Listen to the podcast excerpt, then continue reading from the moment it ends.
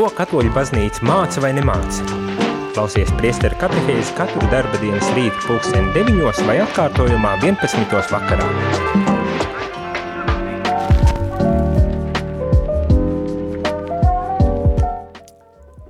Labrīt, labrīt, rādījumi arī klausītāji eh, un skatītāju YouTube. Tie, kas skatās YouTube, droši vien var pamanīt, ka nesmu es, šoreiz nesmu es viens priesteris Jānis Meļņikovs un ar mani kopā ir priesteris Toms Priedoliņš. Labrīt! Labrītiņu, un tiešām sirsnīgi paldies, ka piekrīti atnākt un aprunāties. Ceram par interesantām tēmām šajā gadījumā. Radījuma arī klausītāji, kā jau pagājušajā nedēļā es jums minēju, kad šī nedēļa tiks veltīta ļoti nopietnai tēmai un tādai pat sāpīgai tēmai, bet ļoti arī būtiskai tēmai, par kuru ir vērts un vajadzība arī runāties, un tas ir par vardarbību baznīcā. Droši vien vis, vis, visādākā veida vardarbība, bet, protams, tas konteksts, kāpēc ir šī šīs katehēzes šīs nedēļas garumā ir tādēļ, kad, nu, diemžēl Jānis īst uh, kad arī vardarbība, tā skaitā no priesera puses un, un seksuālā vardarbība, kas nav vienīgā, protams, vardarbība notiek baznīcā, un tādēļ ir jārunā, lai mēs uh, atrastu veidus, kā pasargāt uh, viens otru, un jo īpaši paši neaizsargātākos uh, baznīcā, un tiešām novērst jebkādu iespēju, ka kaut kas tāds varētu notikt baznīcā. Līdz ar to ir šīs katehējas šodīt ar priesteri Tomu runāsim, nedaudz tāds kā ievads varbūt tās šajā tematikā, un tad nedēļas garumā šīs tēmas attīstīsim. Būs arī iespēja ieklausīties pāvesta sūtnī, kurš arī tad izteiksies un dos kaut kādas, um, nu, nezinu, var teikt, varbūt tās padomas, kā tam mums rīkoties, bet šajā rītā un šajā reizē uh, ar priesteru Tomu tādu um, ievadu, visaptverošu ievadu par to, kas, kas kāpēc vispār šī tēma ir tik aktuāla, es jau it kā iezīmēju, bet uh, kāpēc vispār ļaunums notiek uh, baznīcā un, un kāda veida lietas uh, sastopam, un pats galvenais, jo negribam jau palikt tikai pie tā sliktā, un tas nav tas būtiskākais, būtiskākais tiešām kā atrast tos veidus, kā tad uh, pasargāt uh, um, uh, tos, kas meklē,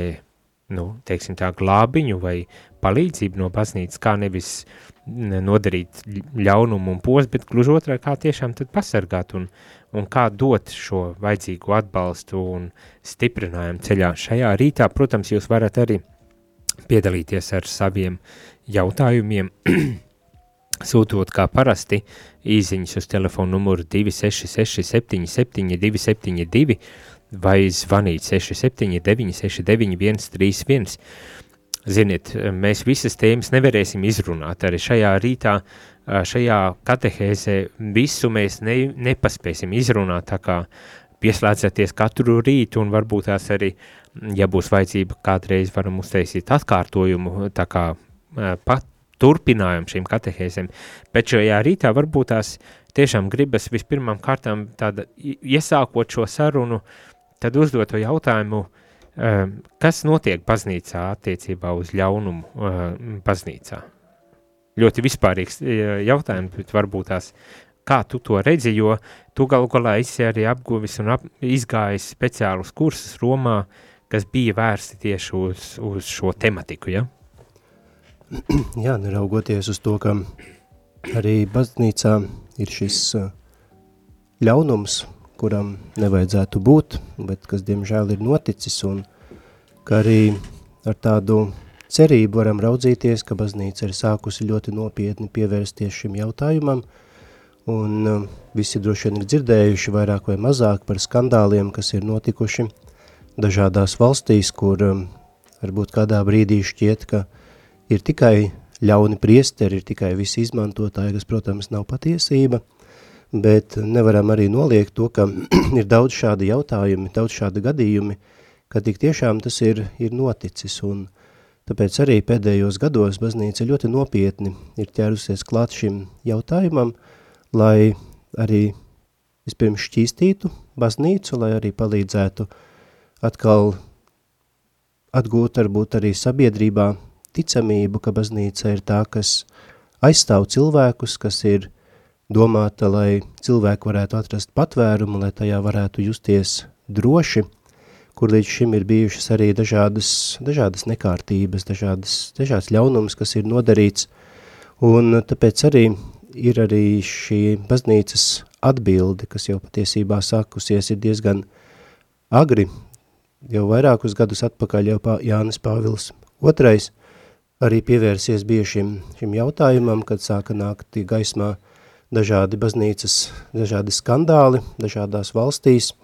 pēc tam arī pāvests Benedikts ir turpinājis šo iesākto ceļu un pāvests Francisks arī vēl, vēl stingrāk, un tāpēc arī ir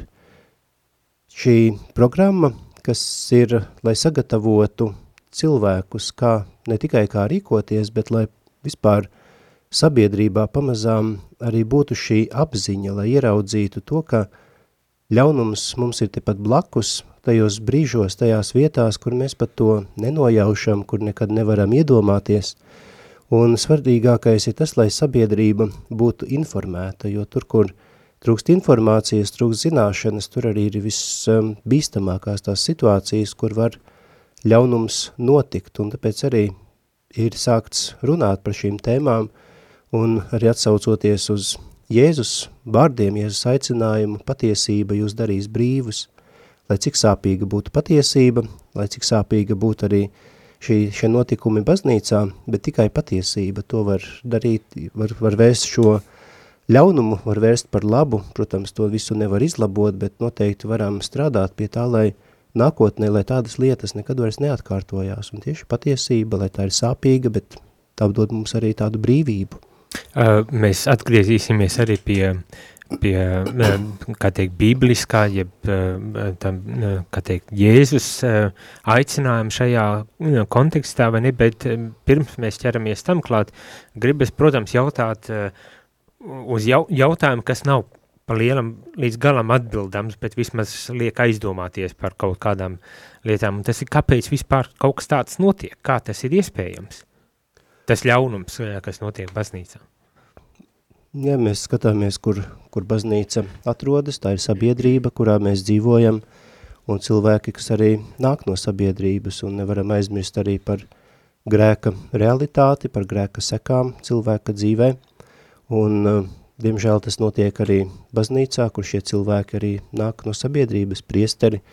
konsekrētie cilvēki, arī, arī katehēti, visi, kas ir saistīti ar bērniem, Arī pēdējā laikā Latvijā ir daži tādi skaļāki skandāli, kas ir nu, ārpus arī baznīcas, arī citās institūcijās, un uh, tas tikai parāda, cik šī problēma ir plaša, ka tas notiek visā sabiedrībā, tas notiek ģimenēs, tas notiek dažādās institūcijās, un diemžēl tai skaitā tas notiek arī baznīcā, kas nav atrauta no realitātes, kur cilvēki arī nav pasargāti no, no grēka, kur no grēka sekām, kur cilvēki diemžēl arī uh, kādos brīžos var izvēlēties arī šādu, iet šādu ļaunuma ceļu, un ka tā ir tāda, jo šiem iemesli ir daudz dažādi, kā, kā līdz tam cilvēks nonāk, bet uh, jā, ka mēs varam redzēt, ka visā sabiedrībā, baznīcā šis ļaunums ir, ir klātesošs, tas ir aktuāls. Mm, tā kā ļaunums, kā tur norāda, ka tas nav tikai uh, baznīcā, bet kas kopumā sabiedrībā, diemžēl arī baznīcā, ne, bet uh, tu bez mazvai tā kā saki, kad no ļaunums ir tāda klātesoša realitāte, kaut kāda iemesla dēļ viņa tādas lietas vienkārši ir,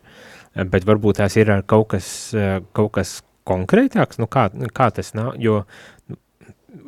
tās nav lietas, tā vien šķiet, vismaz man, nebūt, es neesmu tā kaut kādā pētījis vai studējis tādas lietas, bet vismaz man tas šķiet, nu tas tāds dažu brīdi, nu pilnīgi prātam neaptveramas lietas, kas e, notiek, nu visā sabiedrībā kopumā, bet arī tā skaitā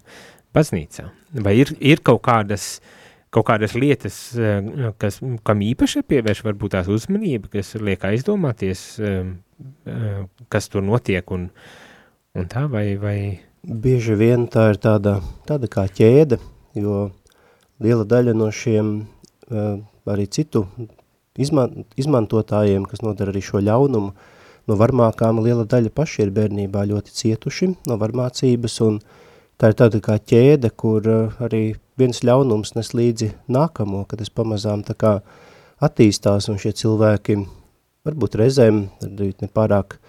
apzināti, bet nu, tas noteikti nav attaisnojums par noziegumu, ir jāatbild visiem, jebkurā gadījumā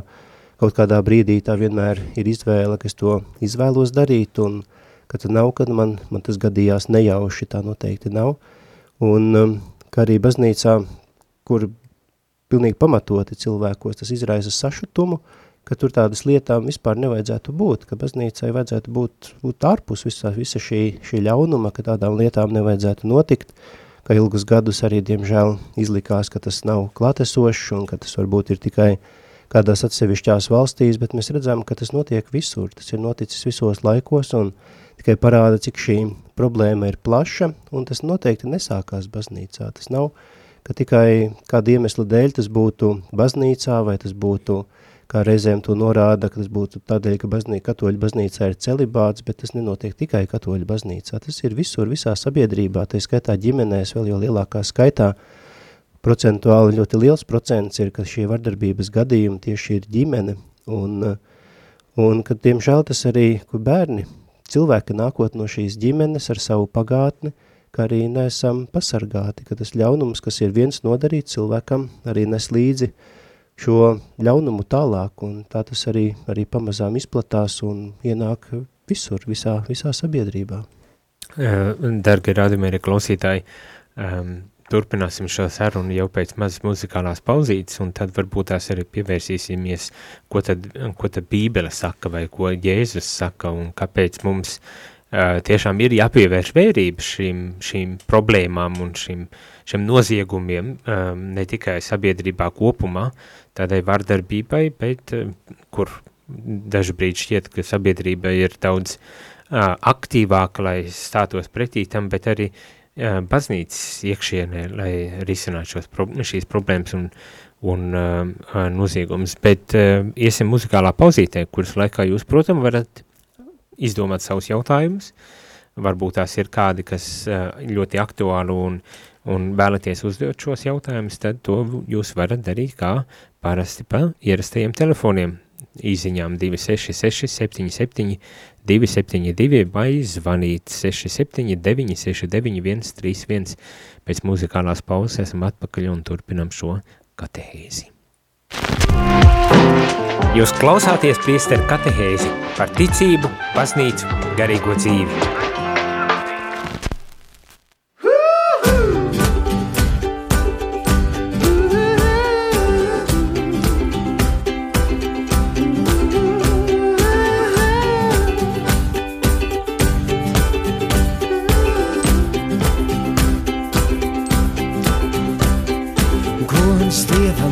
Augstībā un cilvēkiem labs prāts.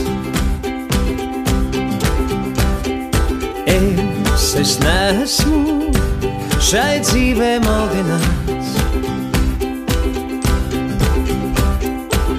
bet pats es esmu bijis nomaldījis, jo savas gribas vien man ceļš bija vies. Un ja es tagad stāvu nesabies, un augu te kā skaisti stādīts tāds, gods Dievam augstībā un cilvēkiem labs prāts. Gods Dievam augstībā un cilvēkiem labs prāts. Es esmu piedzimis kā skaņa vārdā, un tālāk latviski jau nākamajā kārtā. Kad nīcā garais sauciens skan vai pārtā, es pieceļos man piecelties liekās. Gods Dievam augstībā un cilvēkiem labs prāts. Gods Dievam augstībā un cilvēkiem labs prāts. Man jāpastāv, kas manas lietas kārtos, stāv cietums sargs un erceņķelis vārtos. Viens nelaiž prom, bet otrs nelaiž iekšā. Es vēl te pastrādāšu vārdu priekšā, gods Dievam augstībā un cilvēkiem labs prāts. Gods Dievam augstībā un cilvēkiem labs prāts. Gods Dievam augstībā un cilvēkiem labs prāts. Gods Dievam augstībā un cilvēkiem labs prāts. Un kur tu ej, tev ceļš, un kur tu ej, tev ceļš ir gaismas klāts. Sveicināts klausītāji! Ja tu dzirdi šo aicinājumu, visticamāk šī radiostacija tev ir kalpojusi stiprinot ticību un palīdzot ikdienā iet kopsolī ar baznīcu. Tas ir bijis iespējams pateicoties daudzu brīvprātīgu pūlēm un klausītāju ziedojumiem. Aicinu tevi iesaistīties Radio Marija Latvijas misijā, ziedojot radio pastāvēšanai. Tikai tā šī radiostacija varēs turpināt kalpot dievam un cilvēkiem arī turpmāk. Mēs zinām, ka daudziem no mums šis laiks ir izaicinošs arī finanšu jomā. Tomēr katrs ziedotais cents radio Marija darbībai ir ieguldījums tajā, kas ir nezūdošs. Lielas paldies par katru ziedojumu! Lūdzamies jūsu nodomos ar apstuļa Pāvila vārdiem, lai Dievs dod jums visādu žēlastību, ka jums ar vienu ir pilnīga iztikšana un vēl pietiekoši pāri paliek labiem darbiem.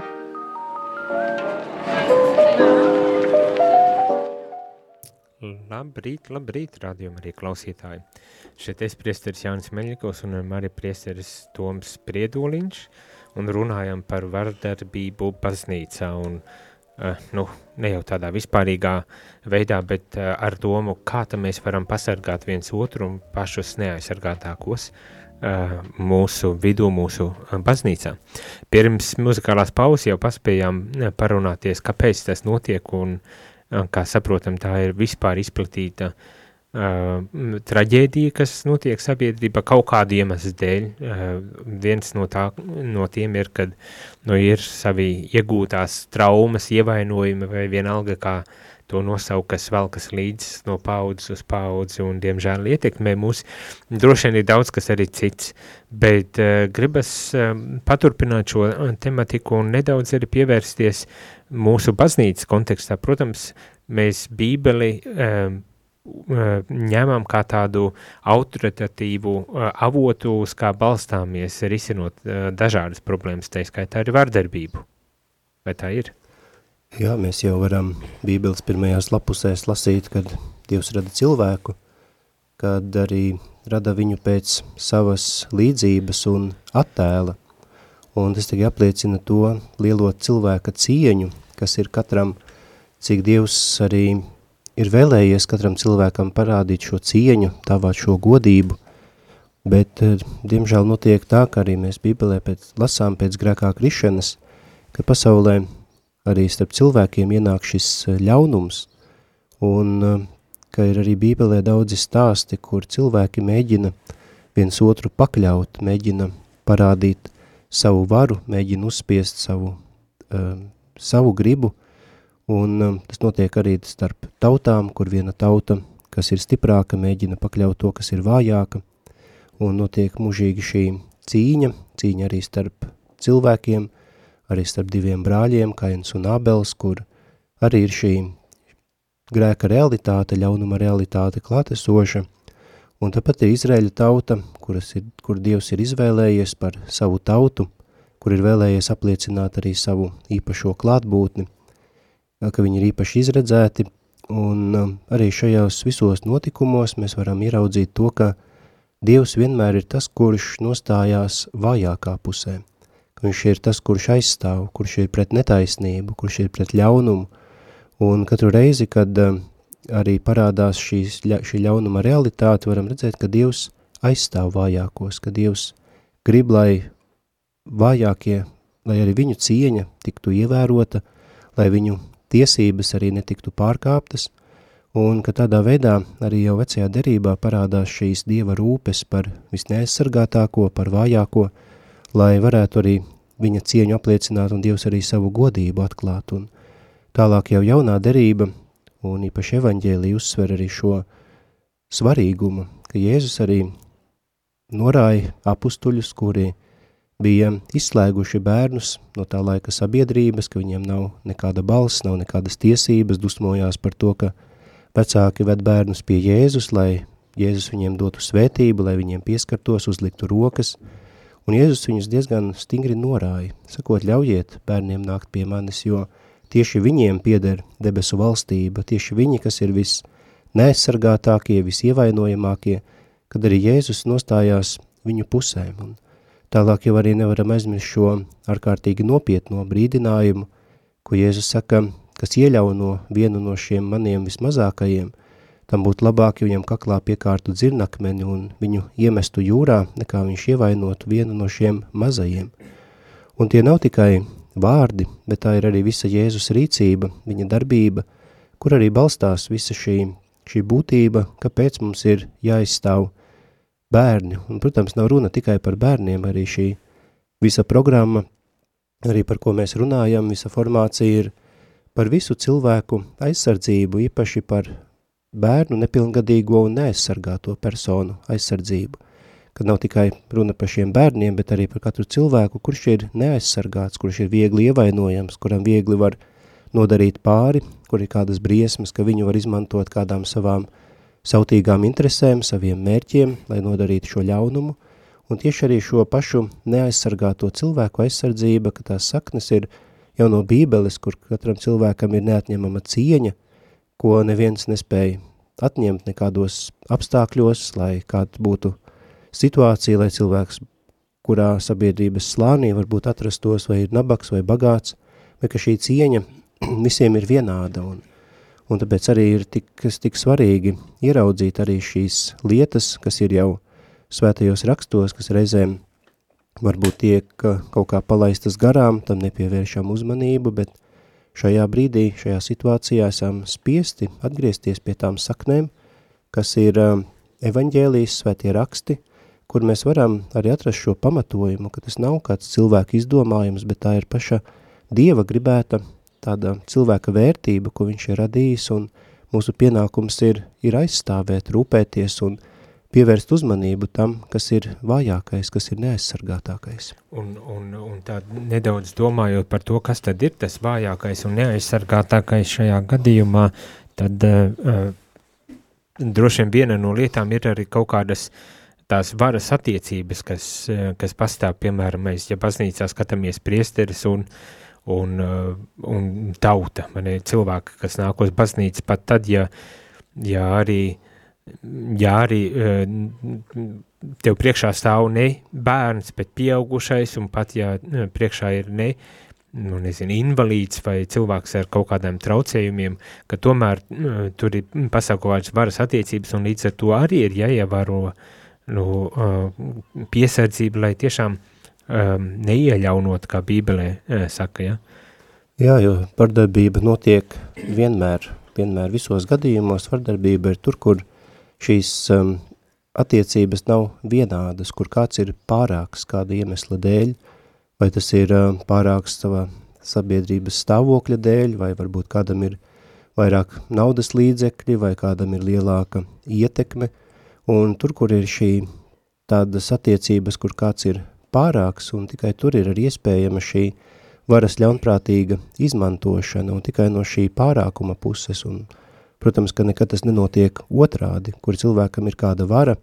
un arī vēsturiski skatoties, arī baznīcai ir bijusi nu, diezgan liela vara, diezgan liela ietekme arī par cilvēku, un kur arī, diemžēl, šī vara ir izmantota ļaunprātīgi, kur nevienmēr ir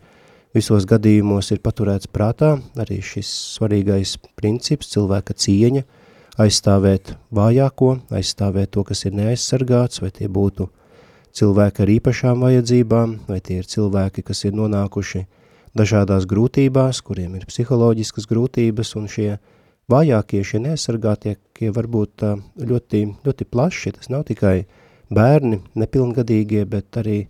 visās attiecībās, kur ir kāda kāda tāda pārākuma, pārākuma stāvoklis, ka tur arī šī bīstamība, ka var notikt arī šī, šī vardarbība, kur kādu cilvēku ir viegli pakļaut.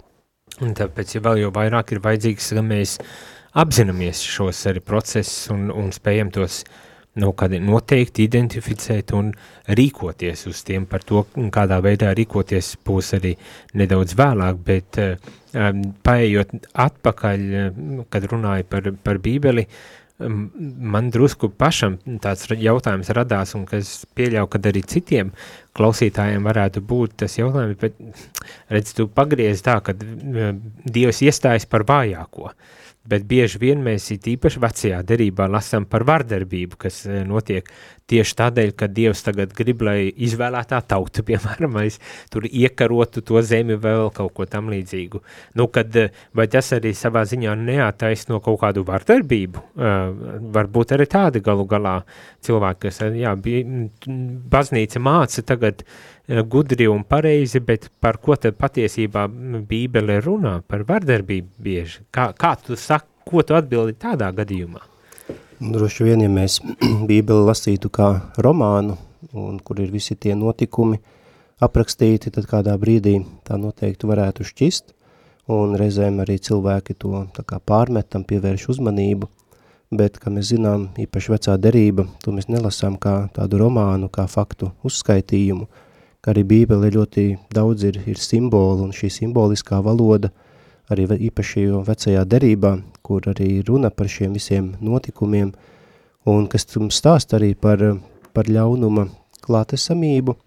bet tas arī parāda to, ka katram ir tiesības un pat pienākums sevi aizstāvēt, un reizēm arī tās vardarbības tādi notikumi, kur ir cīņas starp tautām, un ka tur arī parādās, ka Dievs cīnās vājāko pusē, un ka vardarbība notiek tur, kā jau minēju, tur, kur ir šī varas, varas pārākums, un ka citas tautas, kuras ir stiprākas, skaist, skaitliski lielākas, kurām ir arī lielāka ietekme, bet tomēr, kad Dievs vienmēr parāda, ka viņš ir, viņš ir savas tautas pusē, tie, kuri tiek apspiesti, kuriem ir nodarīts ļaunums, un, un ka ir runa arī par šo ļaunumu, ka it kā Dievs vēlas kādu tautu iznīcināt, un ka Dievs ir tas, kurš kurš arī parāda šo savu varenību varbūt tādā vardarbīgā veidā, bet drīzāk tas ir jāuztver, ka ļaunums ir tas, kas pats sevi iznīcina. Ļaunums ir tas, kas nodara, nodara pāri otram cilvēkam, bet tā ir, tā ir iznīcība, un ka Dievs vienmēr ir tas, kurš vēlas, lai būtu taisnība, lai būtu arī aizstāvētas katra cilvēka tiesības, katra cilvēka cieņa, un nepieļaut šo, šo tādu vardarbības gadījumus, kad, kad vājākiem tiek nodarīts pāri. Mēs varbūt tās, dārgie radio klausītāji, izklausas, ka lēkājam, es tagad tā uzdod vienu otru jautājumu, lēkājam pa tematikām, bet ceru, ka tas arī kaut kādā veidā palīdz uh, redzēt, kā, kā, kā risināt vai kā uztver šīs lietas. Uh, visas atbildes uzreiz netiek pateikts, un tomēr varbūt tās liek aizdomāties. Un uh, vēl viens jautājums no manas puses ir par to, ka nu, ir dažādas vardarbības arī formas, eh, dažādi vardarbības veidi, vai ne?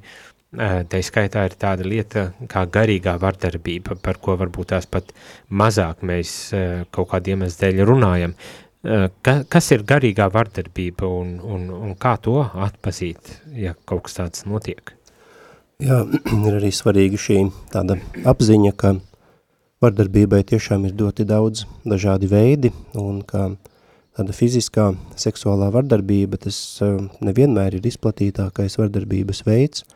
un tieši šie citi vardarbības veidi var pie tā novest arī pie šī tāda vislielākā ļaunuma, bet tas nenozīmē, ka pārējie vardarbības veidi būtu mazāk ļauni. Un eh, arī baznīca pēdējos gados vairāk uzmanības tieši pievēršai garīgai vardarbībai, kas varbūt līdz šim nav tāda plaši apskatīta tēma, kam nav pievērsta tik liela uzmanība, uh, bet kas arī ir, nu, arī pētot šos visus gadījumus, kāpēc ir šie ļaunums noticis, šie vardarbības gadījumi, kāpēc tie ir notikuši,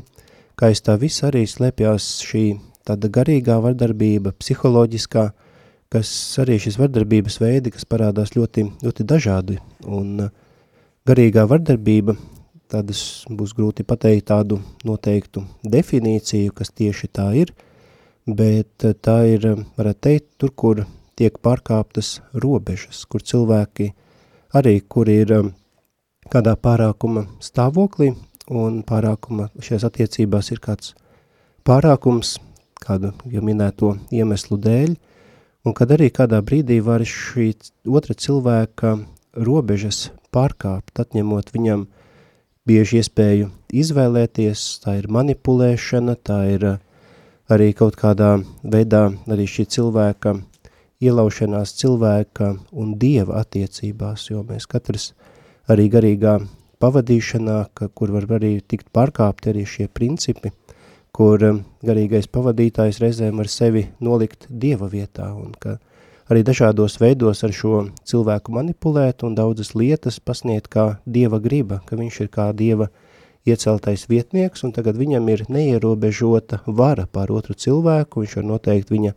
izvēles, viņš var noteikt, kā viņam būtu jādzīvo un kā, kas būtu jādara vai kas nebūtu jādara, tāda pilnīga pakļaušana. Un tad eh, savā ziņā, ja, eh, piemēram, es, es tagad mm, paziņotu kādam, kurš ir atnācis pie manis eh, pēc mises parunāties par kaut kādām lietām, ja es paziņotu, ka Dieva griba ir, lai tu ietu un ravētu baznīcas dārza puķis tagad, eh, kad tas var gadīties, kad eh, būtu drusku par, par daudz jau pārkāpts kaut kādas robežas, vai tomēr ne, kā būtu? Es ceru, ka tas gadījums nav ņemts no dzīves. Nē, nu, varbūt tās ir nedaudz ar tādu uh, sarkastisku humoru, vai ne, bet, bet uh, gribējās, lai kāds piemērs arī varbūt tās. Droši vien, ka jāskatās arī tādas lietas un varbūt reizēm tas varētu būt arī kaut kur ar humoru, ka cilvēks to saka, droši vien ir jāizšķir, bet uh, Nu, ja tas ir tādā pilnā nopietnībā, un tad arī nu, tas ir viens no tādiem veidiem,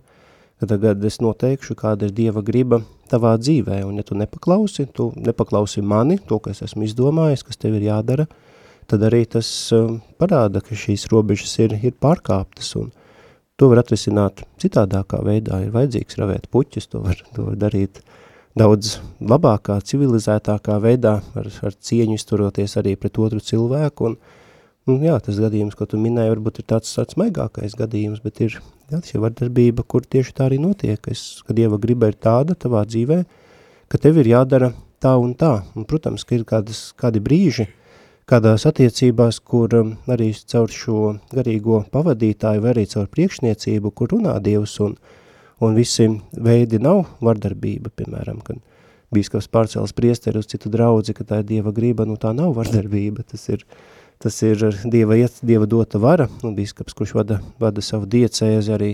skatās, kur ir šis iespējamais labums, un, un kur, kur, kur arī šīs attiecības ir, ir varas attiecības, kur šo varu tiešām izmanto labi, un ka tā ir arī Dieva dota, Dieva uzticēta, un visos gadījumos, kas man kaut kas nepatīk, nu, es nevaru pateikt, ka tā ir vardarbība, man tas nav pieņemams, bet ir svarīgi, ka ir ievērota cilvēka cieņa, nav pārkāpta arī šī cilvēka sirdsapziņa, ka cilvēks, kuram ir attiecības ar, ar Dievu jāveido, kur ir garīgais pavadītājs, ir tas, kurš pats par sevi vārds jau pasaka pavadītājs, un, un ka nevar izmantot, ka tikai kādiem saviem, savām iedomām, tikai, ka es tā gribu, es gribu, lai tu tā dari, un kad šeit arī ir ļoti, ļoti lielas sekas, varbūt arī šai garīgai vardarbībai, nodarīt arī lielu ļaunumu cilvēkam, var radīt vispirms arī tādu greizu priekšstatu par Dievu, un kad, ja kāds to saka, ka viss tavā dzīvē tā ir Dieva grība, un ka tev ir jādara pat pret tavu sirdsapziņu kaut kas, ka tev nav tiek atņemta sava griba, izvēles iespējas, un ka tu nevari pats izvēlēties, un ka tur, kur ir šīs robežas pārkāptas, tad arī ir šis, šis ļaunums, kas tiek nodarīts, un, un ka cilvēks, kurš ir atnācis pēc palīdzības, vai arī kuram uh, tiek uzspiesta, ka es tev tagad palīdzēšu sakārtot tavu dzīvi, vai es redzu, ka tavā dzīvē ir tik daudz nesakārtotu lietu, un tagad es būšu tas, kurš tev pateikšu, kas ir jādara, un tavā dzīvē tagad viss būs kārtībā, un tagad varēsi dzīvot un pildīt Dieva gribu, bet nu, patiesībā tā ir varmākas griba. Nu jā, uh, iesim muzikālā pauzītē, vēl vienā muzikālā īsā pauzītē, pēc kā atgriezīsimies, un tad uh, mēģināsim uzdot jautājumu, bet kā tad rīkoties, kā, eh, ko darīt, eh, kā rīkoties, kas būtu vispārējākais, vislabākais. Ļoti īsā veidā, protams, mēs to darām, varētu daudz un gari un plaši runāt, par ko arī priesteris Toms runā, izveidotā kursā, kas ir veltīts tieši šiem jautājumiem. bet šeit mēs tādu nelielu ieskatu un, un aicinājumu aizdomāties ne tikai priesteriem starp citu, bet ikvienam, kurš ir kaut kādā varas pozīcijā, cik, cik varbūt tās vērīgam jābūt arī pret savām rīcībām un uzvedībām un vārdiem, jo ar tiem mēs varam arī, kā teikt, ietekmēt un, un būt vardarbīgi, bet saprast, kurā brīdī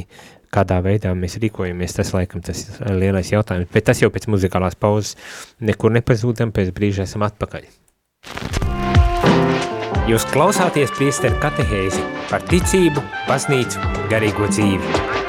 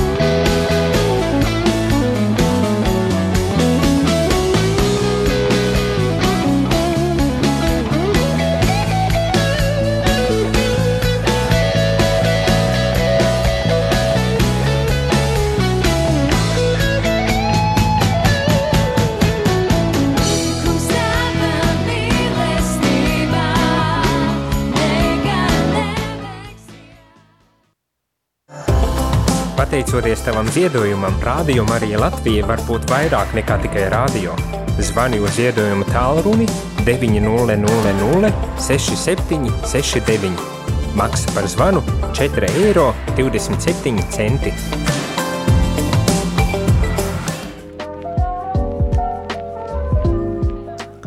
Labrīt, rādījumā arī klausītāji. Esam atpakaļ. Es, priesteris Jānis Meļņikovs un ar mani viesis priesteris Toms Priedoliņš. Un runājam, uzsākam sarunu par vardarbību baznīcā, kas tas ir un kā to risināt, kāpēc tas notiek un, un daži citi jautājumi pa vidam. sākas. Kā jūs saprotat, šīs katehēzes ir par īsām, lai varētu visu uzreiz un visaptverošai apspriest, bet uh, doma ir piedāvāt vismaz kaut kādas sākotnējās uh, impulsus, lai par šīm tēmām vispār mēs uzdrošinātos runāt, lai runāt, lai domāt un, protams, pats galvenais risināt un veidot vidi, kas ir droša un,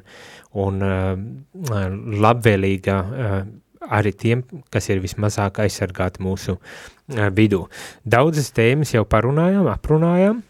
būs vēl daudzas nedēļas garumā, par ko runāsim ar citiem arī viesiem, tā kā arī jautājumi, kurus jūs vēlaties uzdot, varēsiet uzdot un cerams nedēļas laikā uz tiem vairāk vai mazāk arī dabūt atbildes, bet tagad pēc visas šīs sarunas šajā rītā gribas prasīt, bet ko darīt? Kā rīkoties, kā saprast to, kas tagad notiek, kā, kā, kādai jābūt rīcībai.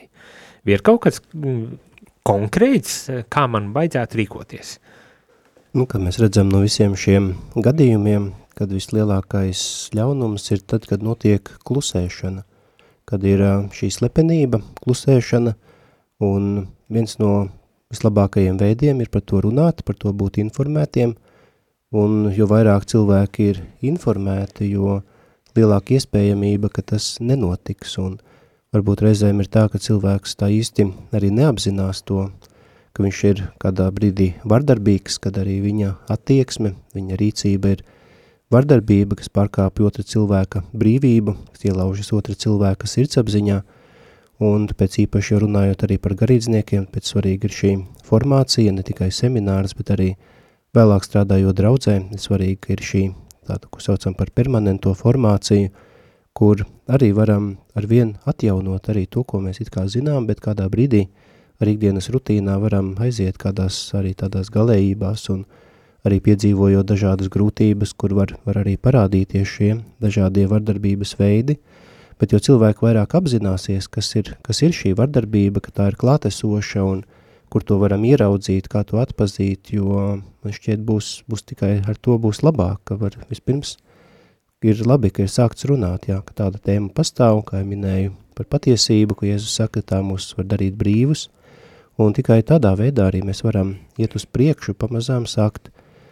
atklāt šos gadījumus, lai varētu ne tikai runāt par to, kas ir bijis pagātnē, bet arī ieraudzīt, kur mēs esam kļūdījušies un ko varam darīt, lai to vairāk nepieļautu. Un,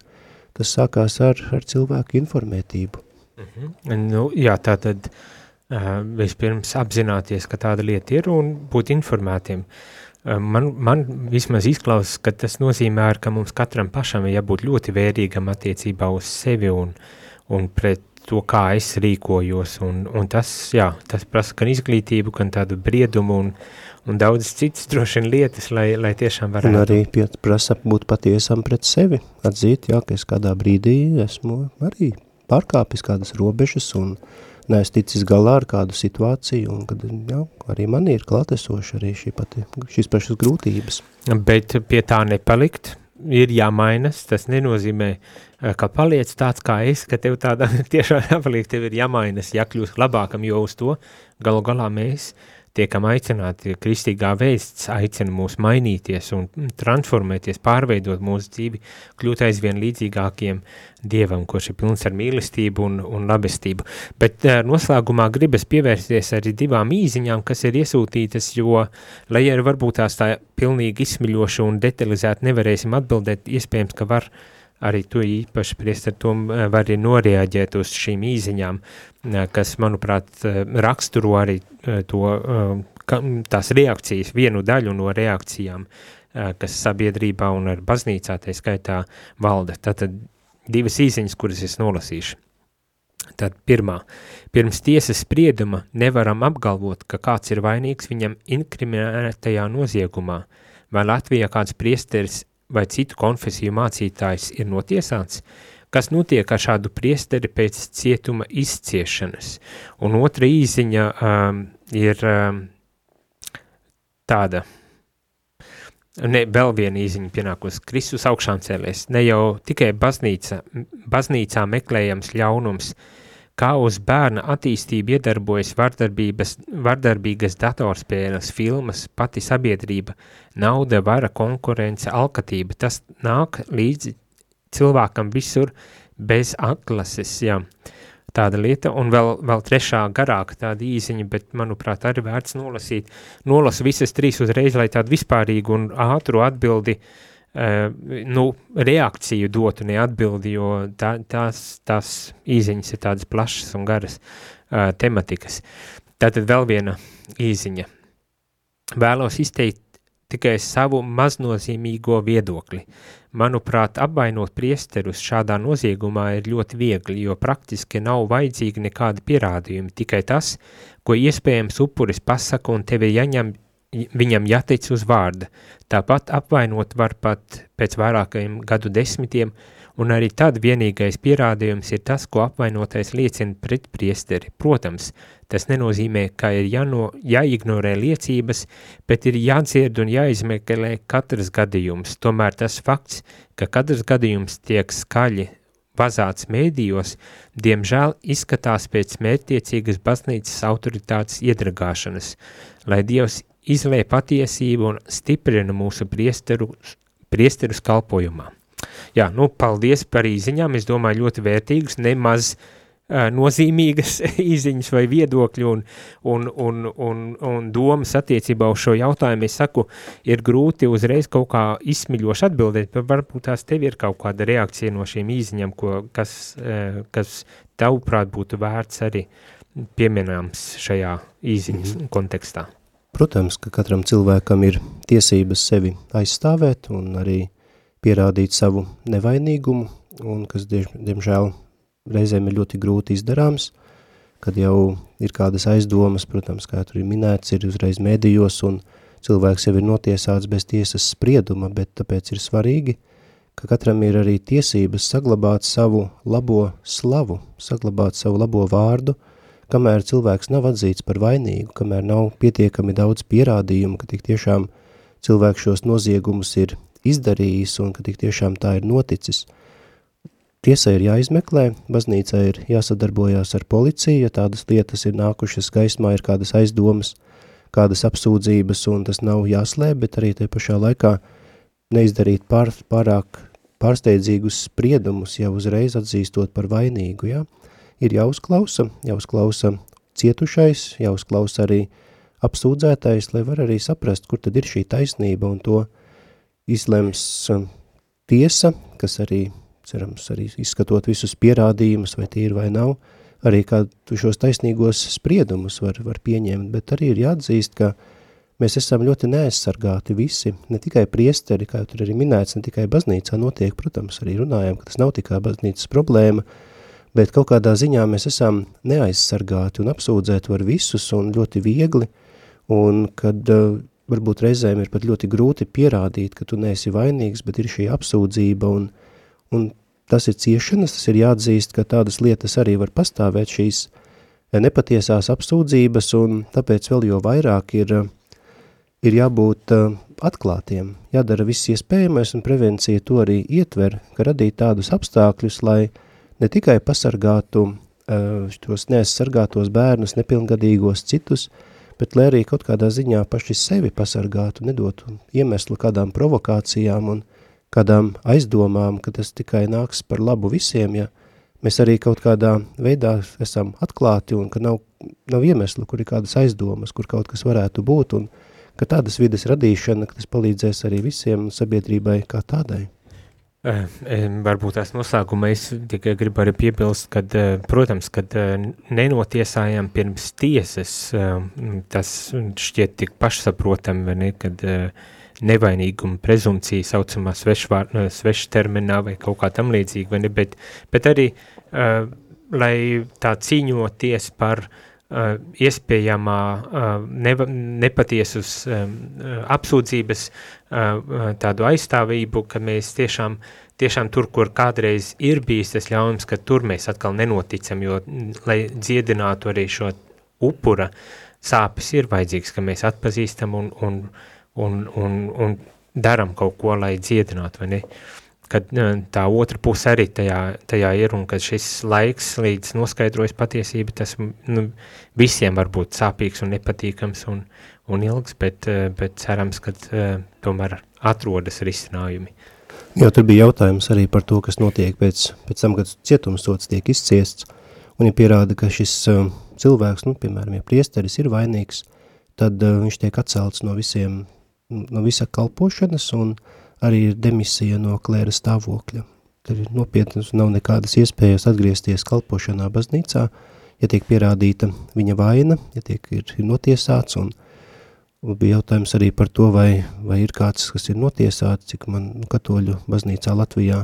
tādu gadījumu, cik es zinu, nav, par citām konfesijām nebūšu tik labi informēts.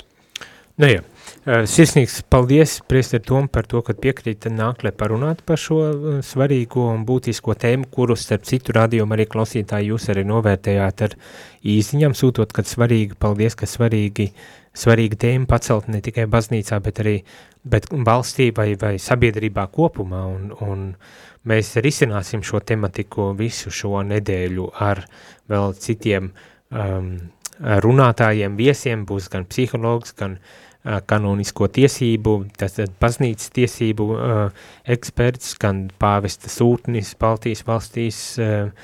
pieslēgsies attālināti, lai, lai parunātu par šo tēmu, un būs no centra dardedze arī speciāliste, kura valsts likumdošana vai ANO likumdošanu, kā teikt, paskaidros un pa, uh, izrunāsim, un jā, tā kā būs, es domāju, ja var tā teikt, interesanti, bet pilnīgi noteikti vērtīgi un vajadzīgi. Tā kā slēdzamies šai nedēļai klāt, klausāmies un varbūt tās arī sūtam savas īziņas, lai tad atbildētu to, tos aktuālākos jautājumus. Bet šajā reizē gan teikšu visiem klausītājiem paldies, ka bijāt un paldies priesteram Tomam, kad atnāci un vērtīgi padalījies ar. Mm, paldies visiem, kas klausījāties lai skaista šī pirmdiena un visa nedēļa. Jūs klausījāties priestera katehēzi, kas ir iespējama pateicoties jūsu ziedojumam. Paldies!